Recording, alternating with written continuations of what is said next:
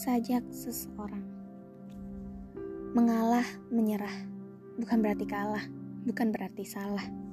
Meminta maaf sekalipun tak bersalah. Menyerah sekalipun tak seharusnya kalah. Kamu akan belajar banyak tentang lapang. Kamu akan belajar banyak tentang tenang. Untuk memberikan sesak dan gejolak beberapa ruang. Kamu akan belajar banyak tentang kelembutan kamu akan belajar banyak tentang penghormatan. Untuk memberikan keras dan angkuh satu tempat untuk diistirahatkan. Agar hati lebih luas, agar tawa lebih lepas, jernih, melirih.